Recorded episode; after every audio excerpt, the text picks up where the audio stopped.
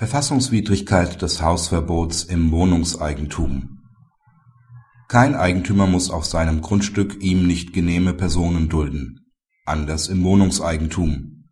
Denn die Rechtsmacht der Wohnungseigentümer als Grundeigentümer kann sich bei dem Anspruch von Verboten nicht auf das jeweilige Sondereigentum erstrecken.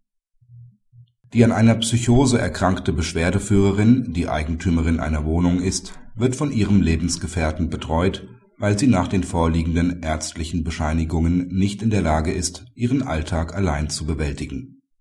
Weil lautstarke Auseinandersetzungen zwischen den beiden Parteien die anderen Wohnungseigentümer erheblich stören, fassen sie den Beschluss, dem Lebensgefährten der Beschwerdeführerin ein Hausverbot zu erteilen, um die Belästigungen dauerhaft zu unterbinden.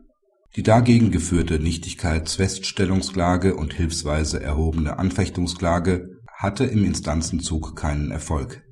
Nunmehr wendet sich die Beschwerdeführerin gegen die Berufungsentscheidung an das Bundesverfassungsgericht, weil diese sie in ihren Rechten aus Artikel 2 Absatz 1, 13 und 14 Grundgesetz verletze. Das Bundesverfassungsgericht stellt fest, dass sie durch die Entscheidungen in ihren Rechten verletzt wird.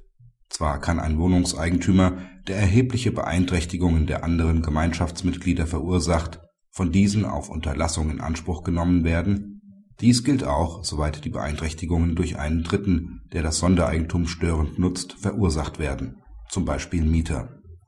Der aus § 1004 BGB resultierende Unterlassungsanspruch stützt aber nicht zwangsläufig den Ausspruch eines Hausverbots, denn dieses kann sich hinsichtlich der Ausübung durch die anderen Gemeinschaftsmitglieder nur auf das Gemeinschafts nicht aber auf das Sondereigentum beziehen um einen Eingriff in die sich aus der Verfügungsbefugnis über letzteres ergebende Stellung zu rechtfertigen, müssen besondere Gründe vorliegen und die beiderseitigen Interessen abgewogen werden.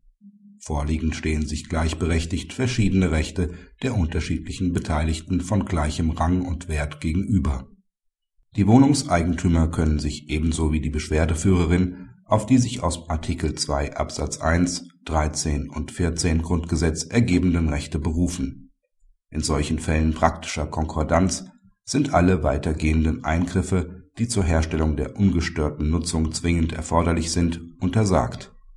Daraus ergibt sich, dass die Wohnungseigentümer nicht nur gegen die Beschwerdeführerin, sondern als milderes Mittel zur Herstellung eines geordneten Zusammenlebens auch gegen deren Lebensgefährten vorgehen müssen.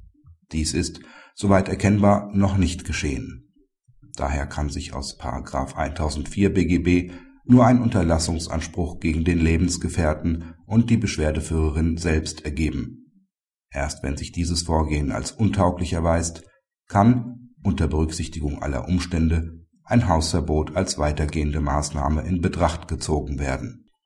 Praxishinweis Die sicherlich zutreffende Entscheidung zeigt, dass die Wohnungseigentümer trotz erheblicher Störungen nicht wie ein Alleineigentümer auftreten können. Sind die Störungen erheblich, werden sie einen langen und oftmals kostenbelasteten Weg in Kauf nehmen müssen, um ihre Ansprüche durchzusetzen. Dies ist freilich nur Folge des Umstands, dass kein Wohnungseigentümer Alleineigentümer des Anwesens ist.